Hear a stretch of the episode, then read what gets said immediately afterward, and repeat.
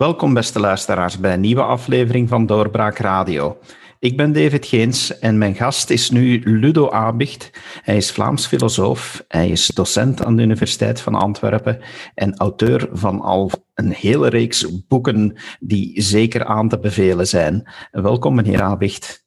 Dankjewel, goedendag, ook welkom bij. Meneer Abicht, u bent ook kernlid van Vlinks, want dat had ik nog niet vernoemd. En ik denk dat er misschien wel luisteraars zijn die Vlinks kennen, maar dat er ook zullen zijn die Vlinks niet kennen. En dat lijkt me toch interessant om, om daar eens even bij stil te staan. Waar staat Vlinks eigenlijk voor? Wel, Vlinks bestaat uit een 25-tal uh, eh, kernleden, heet dat. We hebben ook gast, uh, dus auteurs enzovoort natuurlijk, net zoals Doorbraak.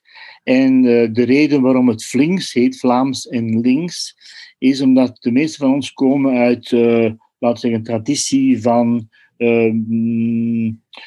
meervoud, witte kaproenen, groep arbeid, dus een soort altijd de, mm, ook de dansactie, uh, actiefonds en zo.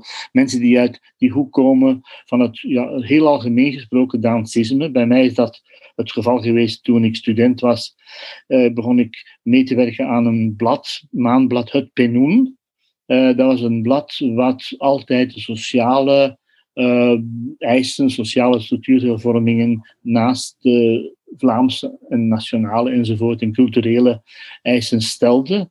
Dat was onder meer met uh, Mark Grammes, die we natuurlijk nog altijd missen, met zijn blad, later dan het blad De Nieuwe, met uh, Jan Olsen, ik weet niet of die naam u nog iets zegt, Jan Olsen, uh, en um, nog een paar andere mensen, Staf Kallewaard en zo. Ik was daar een van de jongste redactieleden.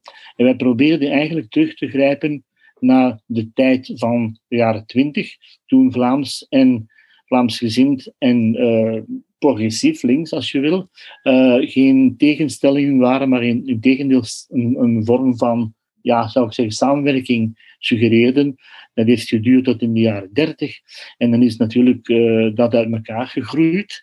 Opnieuw na de oorlog zijn dan mensen zoals Jan Olsen en ehm, en Grammes en zo opnieuw begonnen om dat leven in te blazen. We hebben ons hoogtepunt bereikt, denk ik, in 1963. Dat was na de mars op Brussel. Hebben we een mars gehouden, wij, het blad, een mars gehouden in Antwerpen met tienduizenden mensen, ook niet zoveel als in Brussel. Maar dat was over structuurhervormingen. En dat betekent structuurhervormingen, zowel sociaal-economisch als uiteraard politiek. En uh, opvallend in die stoet was een uh, grote delegatie van metaalarbeiders uit het Luikse. Dus van de leden van de SGTB, die met hun Waalse haan, dus met hun Waalse vlag, in de stoet liepen en toegejaagd werden door een massale, dat zeggen, opkom, op, massaal opgekomen groep um, sympathisanten, flamiganten in Antwerpen. Dat, uh, dat was toen een moment, denk ik, het hoogtepunt. Daarna is het een beetje allemaal, laten we zeggen, moeilijker geworden. Maar het is een moment geweest waar het voor ons toch in de lift zat. Dat soort van vereniging van sociaal vooruitstrevend met Vlaamsgezind. Dus daar kom ik uit. Tegenwoordig lijkt dat geen evidente combinatie meer. Hè. Links wordt, wordt veel vaker uh, geassocieerd met, uh, met meer de, het wereldburgerschap en universaliteit. En het nationalisme gaat men dan altijd rechts gaan situeren. Uh, is, is, dat, is dat dan een verkeerde perceptie die, die mensen hebben? Wel, dat wil zeggen, uh, dus altijd natuurlijk in elke beweging zijn er ja, rinkelvleugels, rechtervleugels. Er is altijd dat geweest. Maar aan de andere kant zie je toch ook bij de eerste socialisten, die nota bene meestal nog anarchisten waren. Ik bedoel de César de Pape, maar vooral Emile Moisson. Het is heel interessant dat de mensen dat niet meer weten. Ze spreken letterlijk in Gent van de bon moison, moison Moisson. Emile Moisson was een van de flamiganten uit de, uit de arbeidersbeweging, uit de toenmalige syndicale beweging. Later heb je dat natuurlijk gehad bij Vermeilen. Vermeilen bijvoorbeeld zegt vaak af, wij moeten onze Vlaamse eh, identiteit, onze Vlaamse eigenheid enzovoort ontwikkelen om Europeer, noemde hij het toen nog, Europeaan te worden. Dus die band tussen uh, eisen voor de rechten van je eigen groep uh, was nooit, laat zeggen, verbroken met de eisen van een internationale solidariteit. En ik vind het nog altijd zo, als ik dan praat met ehm, sommige missionarissen van vroeger, dus van, dat is nu voorbij die generatie, maar mensen die toen ook, laten we zeggen, meegewerkt hebben in Zuid-Amerika bijvoorbeeld, aan toch heel wat sociale bewegingen, de enzovoort, dan als je die mensen praat, voor hen is het ook vanzelfsprekend. Ik kom uit een katholiek college, het Saverius College, dat was ook de zetel van een missieblad, zo heette dat toen, Pro Apostolis. Uh, dat is later geworden wereldwijd en dan is dat later verder ontwikkeld in een andere richting, ik weet het. Maar in de wereld morgen, zo in een tijd wereldwijd. En uh, dat blad, dat missieblad Pro Apostolis, was, was al heel erg geëngageerd in de strijd voor de rechten van de zwarte in Zuid-Afrika, voor de rechten van de kleurlingen in Amerika en zo. Dus allerlei zaken heb ik geleerd, nog binnen in feite de Islamische beweging. En die stonden ook met standjes op de in Dixmuiden in de tijd, toen we naar de, uh, de IJzerbedevaart gingen. Daar stonden ook standjes van Duitsland Europa natuurlijk daarnaast. Daar stonden ook mensen bij die andere ideeën hadden. Maar dat was een soort godsvrede. We niet het gevoel dat we elkaars vijanden waren identitair denken wordt tegenwoordig bijna met, met een vieze wansmaak in de mond uitgesproken uh, door vele media. Uh, men gaat dat dan vaak hand in hand leggen met racisme. Vindt u dat dat, uh, dat, dat broederbegrippen zijn van elkaar? Of zegt u van, ja nee, dat is tegenwoordig een koppeling die eigenlijk niet gemaakt zou moeten worden tussen die twee begrippen? Nee, ik denk dat we moeten opnieuw gaan. Dat is een van de zaken die ik natuurlijk geleerd heb in mijn studies in de filosofie. En ook vroeger nog op de, in de humaniora, maar toch later nog meer. Definities. Wat bedoel je als je zegt nationalist? Wat bedoel je als je zegt identiteit? Wat bedoel je als je zegt solidair enzovoort? En als je dat begint te doen, dan zal je merken dat dat niet mekaars tegenstelling is. Ik zie niet in waarom ik niet, laten we zeggen, zou opkomen voor de rechten van mijn, van mijn gezin, van mijn familie, van mijn uh, buren, van ja, mijn wijk enzovoort. En ik zie echt niet in wat de tegenstelling is tussen, laten we zeggen, uh, als Vlaming hebben we een traditie gehad, gelukkig maar, waarop we zonder um, echt geweld te. Ik denk aan Noord-Ierland bijvoorbeeld, ik denk aan de ETA in, in, Baskeland enzovoort. Waar wij zijn erin geslaagd om zonder geweld toch onze eisen voor een groot deel door te duwen. Je kunt zeggen, niet helemaal, maar toch in een groot... Als je bedenkt hoe de Vlaamse beweging ervoor stond in 1946 uh, eh, en nu, dat was onvoorstelbaar dat we toen zouden kunnen spreken van uh, federale staatsinrichtingen, zelfs confederalisme enzovoort. Met andere woorden, we hebben heel veel bereikt. En we hebben het bereikt, denk ik, zonder die valse tegenstelling. Ik begrijp nu waarom je niet mag houden van je eigen taal, cultuur enzovoort. En het wordt meteen uh, gezien als iets negatiefs. Terwijl men naar buitenuit de rechten van allerlei dat zeggen, inheemse volkeren zal steunen. Men zal de rechten steunen van de Oeigoeren, van noem maar op, van de, de Palestijnen bijvoorbeeld. En uh, dat is allemaal goed en wel. Maar uh, zij eisen ook respect voor hun identiteit, voor hun eigenheid, voor hun cultuur, voor hun geschiedenis. En ik zie daar geen tegenstelling in. Ik bedoel, ik, de tegenstelling is er. Die wordt voortdurend uh, in de kranten ja, benadrukt, maar ik, ik, vind dat niet juist. er was een, jaar of twee geleden was er iemand die Carlos van Lauwe ondervroeg, die nu uit de, enfin, komt uit het IJzerbedevaartcomité, IJzerbedevaart, en is, werkt ook voor, net zoals trouwens in de tijd, um, ben de naam even kwijt, van, uh, van Sint-Niklaas, je zal daar erop komen natuurlijk, de, um, voorzitter van 1111, ben de naam even kwijt. En dan zei die journalisten, ah, u bent van rechts naar links gegaan. Hij zegt, pardon, wat hoor ik hier? Alsof de ijzerbedevaart rechts zou zijn, duidelijk rechts. En dan 1111 is uiteraard progressief en links. Dit klopt aan geen kanten. Wat vindt u dan momenteel van, van ja, toch de misschien wel ogenschijnlijke tegenstelling dat men in Vlaanderen nu toch wel heel duidelijk, eh, als men de gevolgen van de verkiezingen daarin mag volgen, en dat men toch heel duidelijk uh, kiest voor, voor een, een Vlaams zijn, en dat je dan nu een regering hebt die alle mogelijke manieren Belgicistische kaarten begint naar boven te halen? Wel, om te beginnen vind ik het niet erg democratisch, in de zin van niet gezond, dat men in feite een bevolkingsdeel, ja, toch wel een meerderheid van 60%, eigenlijk ja, negeert. Men, men vormt een regering zonder een Vlaamse meerderheid. Dat zou niet moeten kunnen, maar het is gebeurd. Tegelijkertijd zie ik dat, we allemaal samen, dat die allemaal samenspannen en het zoveel mogelijk opnieuw dat de, de, de Belgische idee willen leven inblazen op een manier die mij stoort. Bijvoorbeeld um, ik heb het meegemaakt, ehm, ik heb het ook in mijn column gezegd, met, de, met de fameuze Witte Mars. De Witte Mars was heel raar, want ik ga vaak betogen, eh, noem maar op, raketten enzovoort, eh, tegen de raketten en zo. En toen ben ik toch maar meegegaan. Ik kende daar niemand. Uh, we waren met, ik weet niet hoeveel, ik zal, neem nu een paar honderdduizend mensen. En die betoging was een sympathiebetuiging, uiteraard, voor die ouders van die slachtoffers, van die, van die kinderen. En uh, daarna werd dat uitgelegd als een uiting van Belgisch uh, nationaal eenheidsgevoel, wat totaal niet waar was. En nu merk je hetzelfde weer. Ik heb natuurlijk sympathie voor de um, verpleegkundigen, voor de dokters, voor de zorgmensen die toch enorm werk geleverd hebben. Ik, uh, ik vind dat fantastisch. En dus we moeten allemaal samen natuurlijk inderdaad uh, over heel Europa, over heel de wereld, vechten tegen dat, uh, de gevolgen van dat virus. Maar plotseling wordt dat dan in een film, in een propagandafilm, met propaganda-affiches in de kranten en zo, voorgesteld, alsof dat allemaal, laten we zeggen, in de geest is van de nieuwe Belgische eenheid.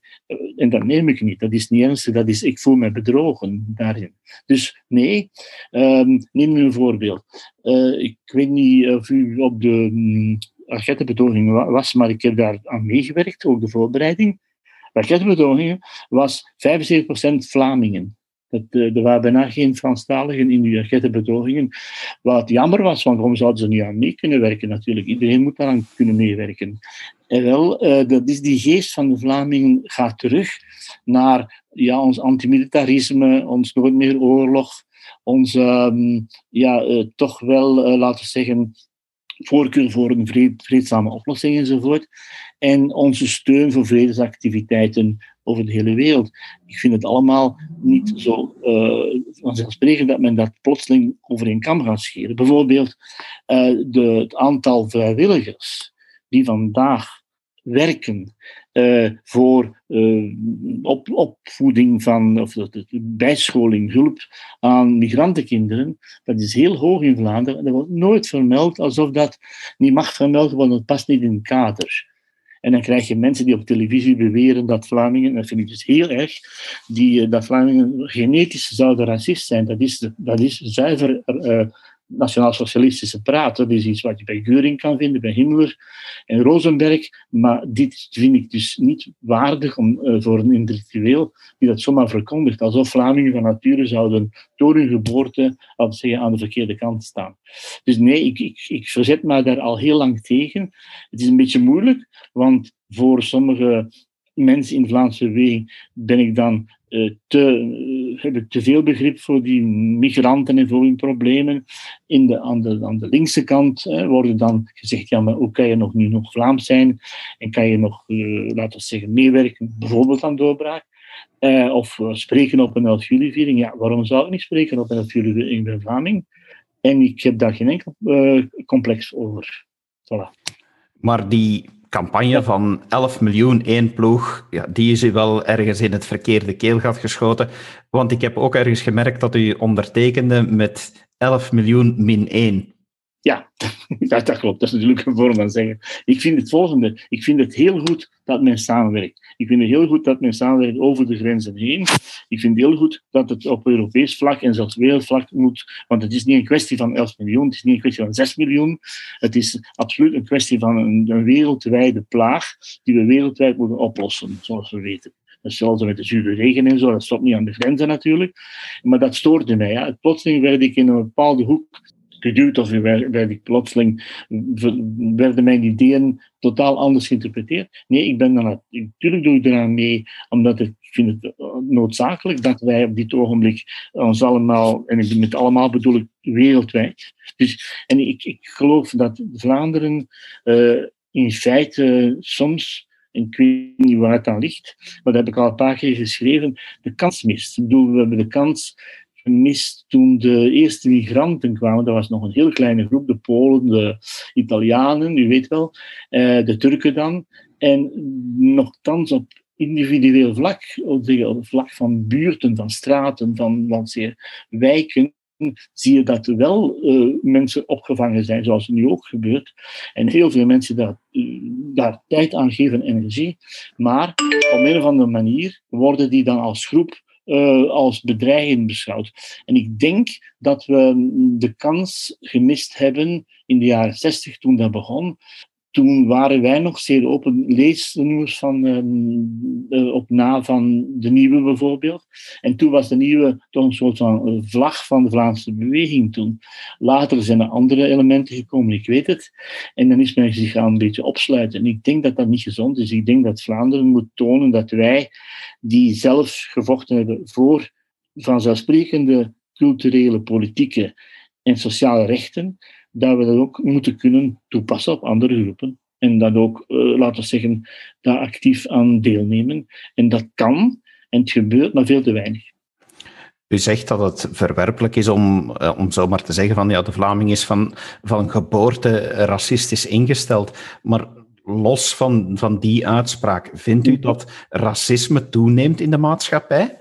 Uh, ik denk ik denk het wel, ik weet het niet helemaal, want ik ken mensen die dat niet voelen. Mensen bedoel met andere huidskleur van andere culturen. Maar ik geloof wel die getuigenissen van mensen die, net zoals het antisemitisme, er zijn grafschendingen, er zijn mensen die inderdaad, uh, laten zeggen, uitspraken doen over over andere groepen, of nu Joden zijn of anderen. Maar dus, en ik denk dat dat wel bestaat. En ik denk dat we daar, uh, ik denk trouwens dat we daar terecht afstand van nemen. Ik heb nog nooit, uh, zeggen, uh, iemand als de Wever zien dat goedkeuren of goed praten of minimaliseren. Ik denk dat we daar moeten duidelijk in zijn, gezien wij de rechten van alle mensen, ook onze eigen rechten verdedigen, moeten wij ook zorgen dat we daar tegenin gaan. Dus ik zou zeggen, als er duidelijke tekenen, nou duidelijke tekenen. Ik had daarover een discussie met, um, ja, dat is heel vervelend als je niet op een speakbriefje hebt, maar uh, um, ik zal eens even erop komen, iemand van NVA, uh, ehm, dat zal dadelijk komen hoor, die mij, ik, ik had een probleem in Borgerhout, met mijn familie, die de indruk had gediscrimineerd te zijn vanwege hun afkomst. Ik heb dan naar hem geschreven en ik ben heel verveeld dat ik zijn naam niet... Het is een heel bekend. Hij is trouwens spreker van de, van de fractie in de, in de Kamer. Uh, wat. Kom dadelijk op zijn naam. En die, die heeft me gezegd, oké, als er zoiets gebeurt, uh, stuur mij meteen die informatie, die bewijzen. En, uh, of die, inderdaad, laat ons dat oplossen. En laat ons niet met vage beschuldigingen werken. Laat ons gewoon eens kijken wat daar aan de hand is. Dus um, ik denk dat men niet kan zeggen dat de Vlaamse regering, die tot verkozen is door die mensen die meestal inderdaad conservatief gestemd hebben, dat die Vlaamse regering schuldig is aan een vorm van discriminatie. Dus ik denk dat we dat moeten dan zeggen, bewijs het dan eens, toon het aan. Als het zo is, moeten we het bestrijden. En als we dat doen, denk ik, zal er heel wat, dan, dan, krijgen we een ander beeld plotseling. Dus ik denk dat we nu, dat het beeld um, vervalst wordt. En ik denk dat de media daar helaas, de mainstream media, daar helaas een rol spelen. En dat vind ik heel onverantwoord. Wat vindt u dan van... Peter erover, dat was het. Peter erover, sorry. Peter erover, ik vermoedde het al wel. Ja, ja. Wat, wat vindt u dan eigenlijk van de tegenbewegingen die, uh, die natuurlijk ook uh, heel zichtbaar zijn? Hè? De, de woke culture, de cancel culture, uh, youth against racism. want ja, die klagen dan die situatie toch wel enorm aan. Wordt dat dan ook uitvergroot? Of zien, nee, moeten de zaken daar anders gesteld worden? Oké, het is heel belangrijk dat we dat, dat, even bespreken. Ik denk dat we inderdaad op dit ogenblik, zeggen, de tegenstellingen aan het benadrukken zijn en dat we daardoor dus een soort kloof scheppen waar, waar, er geen plaats meer is voor een, laten we zeggen, een evenwichtige discussie over die problemen. Als er een probleem is van mensenrechten, om het even van waar en tegen wie, dan moet dat uh, worden behandeld en dan moeten wij dat democratisch oplossen. Um, dat men dus tegenwoordig, uh, laten we zeggen, de neiging ziet om aan de ene kant een bedreiging te zien voor onze eigenheid, onze cultuur enzovoort, onze waarden, wat je dan heel sterk vindt bij uh, groepen om en rond ja, de, het Vlaams Belang en zo, goed nog anderen. En aan de andere kant, dat is de één kant, die dus, dus overal bedreiging zien en niet een kans, een mogelijkheid om mensen te ontmoeten enzovoort. Aan de andere kant zie je dan ook het omgekeerde, dat, dat elke, laten we zeggen, uh, tegenwerking of elke ja, opmerking wordt gewogen op een apothekerschaaltje en het wordt allemaal meteen gelabeld als racistisch. Ik denk dat men moet oppassen aan beide kanten met dat soort van uh, overdreven, laat zeggen, overdreven oordeel, want daardoor is een normaal gesprek bijna niet meer mogelijk. Het minste dat je dus uh, enigszins begrip opbrengt voor de ene of de andere kant, word je meteen gelabeld als, meteen gelabeld als zijnde een, een racist of zijnde een, iemand die dus uh, anti, anti-Vlaams zou zijn of anti-Europees of zo. Ik denk dat dat niet juist is. Als we een klein beetje onze geschiedenis kennen, dan is Vlaanderen ontstaan uit de reactie, Vlaanderen bedoel de moderne Vlaanderen, ik heb nu niet Vlaanderen van de middeleeuwen, moderne Vlaanderen ontstaan in een reactie tegen een onrechtvaardige, asociale, um, arrogante, um, zeggen, uh, elite, ook in Vlaanderen trouwens, die dus de, de, de, de, cultuur en, en, de eigenheid enzovoort van de bevolking negeerde. Dus het is een heel sociale, heel democratische beweging geweest die dat heeft gecounterd. Aan de andere kant vind ik niet dat men dan plotseling moet overhellen naar uh, een of andere kant. En men doet dat heel de tijd. En men, men zou moeten vragen, wat bedoel je nu? Leg het eens uit. En dan denk ik dat men vaak zal merken dat degene die ik een racist noem, ik, doe dat nooit, maar goed, die, die men een racist noemt of, men, of een anti of noem maar op, dat het vaak niet het geval is. Dat men heel vaak ingaat op percepties. En die percepties vind ik in de politiek zeker in een klimaat van spanning, want er zullen nog spannende momenten komen rond uh, de nasleep van corona, ik denk sociaal-economische problemen enzovoort, en andere, dat we eigenlijk daar, um, hoe zou ik zeggen, uh, onze kansen om een voorbeeld te zijn, uh, laten vallen. Vlaanderen zou kunnen een voorbeeld zijn. We hebben de, de expertise, we hebben de ervaring, we weten wat het is gediscrimineerd te worden. Eh, we hebben dat meegemaakt. We komen uit die beweging. We hebben ons daaruit gewerkt op eigen kracht. Jammer genoeg niet met dezelfde hulp vanuit onze Nederlandse stambroeders als de Franstaligen dat hebben van de, vanuit Frankrijk. Dat is jammer. Dat moet, zo, dat moet kunnen anders zijn. Maar goed, we hebben het zelf gedaan. We hebben, niemand heeft ons daarin echt geholpen. We hebben gewoon gezorgd dat we met Lodewijk de Raad enzovoort gezorgd dat we onze eigen ontwikkeling hebben in hand gehouden. Dus sociaal, economisch, cultureel enzovoort. We staan op een hoog pijl en we moeten zorgen dat we dus geen fouten maken. dat is een van de fouten ik, die men nu maakt. Men gaat toegevingen doen, eh, bijvoorbeeld aan de kwaliteit. Ik neem nu het onderwijs, ik ben een onderwijsmens, ik sta al voor 43 jaar uh, letterlijk staan in de klas, klassen, uh, eerst middelbaar, dan hoger onderwijs. Ehm, we mogen dat niet doen. Ik geef een klein voorbeeld. Ehm, als er een achterstand is van thuis uit, van familie, moeder die geen Nederlands kent, noem maar op, dan zijn er twee mogelijkheden. En ik vind, denk dat we vaak kiezen voor de makkelijke oplossing. We gaan het niveau verlagen met gevolgen die dramatisch worden voor iedereen, ook voor die mensen. Of we zeggen, wacht eventjes, we kunnen aan die mensen aanbieden, en dat doen we ook vaak, dat is wat ik in het begin zei, uh, om ja, uh, extra les te geven bijvoorbeeld. Ik heb dat jaren gedaan. Ik, was voor, ik stond voor een klas in, een um, hogeschool in Antwerpen, uh, dat heet nu um, artesisch uh, plantijn. Maar goed, ik stond voor die klas. En um, ik had daar een groep mensen die inderdaad niet mee konden, een aantal studenten. Ik heb daar gezegd, luister, ik ga het niveau niet verlagen, want ik ga niet de hele klas doen leiden omdat, eh, omdat er een groep is die niet mee kan. Het is niet jullie schuld. Ik bied aan jullie twee avonden per week, pakweg van acht tot twaalf ongeveer was dat, bied ik gratis extra les aan. En er zijn andere collega's die het ook willen doen. Ik heb dat een paar weken gedaan en ik kreeg die klas mee. Ik bedoel, je moet daar een beetje voor inspanning doen, maar je kan ze, je niveau verlagen is eigenlijk uh, asociaal en eigenlijk ook tegen de belangen van deze mensen die, die niet dezelfde achtergrond, achtergrond hadden als onze, de meeste van onze kinderen. Ik vind dat asociaal. Ik vind dat je dat niet mag doen. Is het dan niet spijtig dat, eh, in het schitterend voorbeeld dat u net geeft, dat er, eh, dat er heel wat mensen zijn die inderdaad de verantwoordelijkheid van het mislukken dan bij die mensen legt en niet zelf de verantwoordelijkheid neemt om het, om het te verbeteren, om die lat op te trekken, maar iedereen mee te krijgen zodanig dat ze over die lat over kunnen? Ja, ik ben iemand die niet gelooft filosofisch in schuld. Ik heb geen enkele schuld aan de, de, de uitbuiting van de, van de Congolezen in, Congo.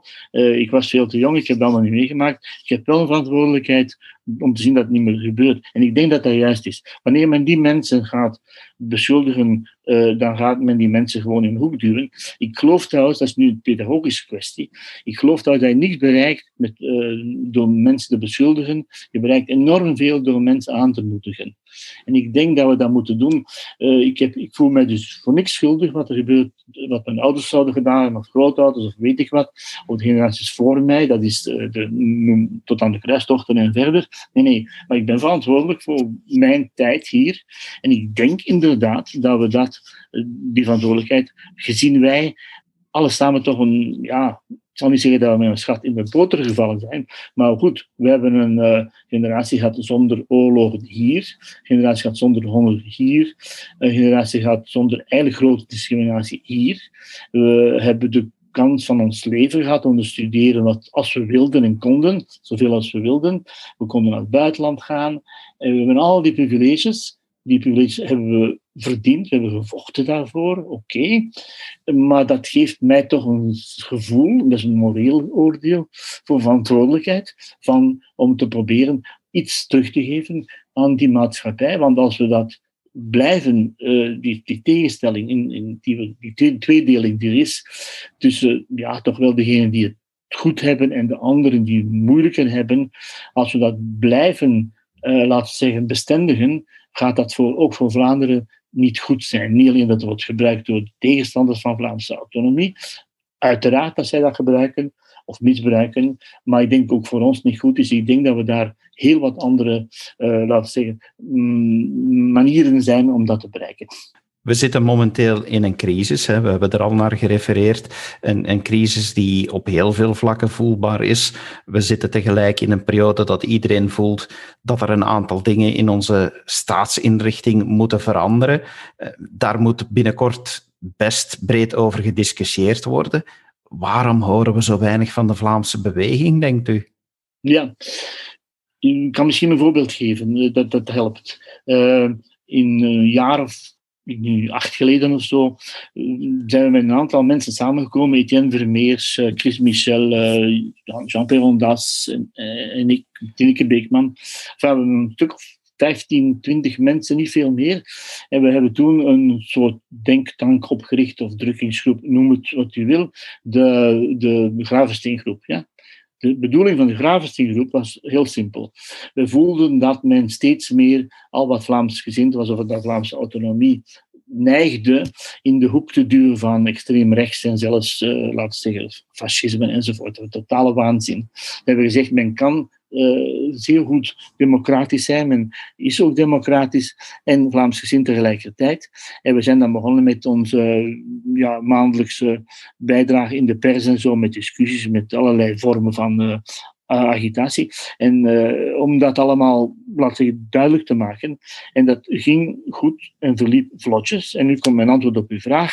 Plotseling komt daar die grote overwinning van, het, um, van de NVA de helft van de groep bij ons ongeveer is daar ja, meegegaan. Die vonden dat natuurlijk de kans om daar iets te doen in beleid, niet alleen aan de kant te staan, niet zoals de Vlaamse beweging gewoonlijk doet, maar om mee te werken aan een democratische, duidelijk uitgesproken Vlaamsgezinde eh, partij met een duidelijk programma enzovoort. En zoals mensen als Willy Kuipers, die nogthans zeer duidelijk tot de linkervleugel van de Volksunie behoort, behoorde helaas. Maar goed, um, die heeft, is ook meegegaan, heeft dat gedaan, anderen dan weer niet. Maar goed, in elk geval, uh, de Vlaamse, de, de, de, die groep die we hadden, is eigenlijk uh, doodgebloed bij gebrek aan ja, leden. Ik bedoel, plotseling zagen wij een aantal zaken overgenomen door mensen van ons die dan werkten voor en met en in die NVA, uh, waar ik niks tegen had. ik maar tegelijkertijd is die groep weggevallen. Ik denk dat de Vlaamse beweging een beetje op zijn honger zit, omdat je zit tussen denk aan de Vlaamse vrouwenbeweging ook, die kwam uit de Volksunie. De Volksunie had linker- en rechtervleugels en dat ging allemaal samen.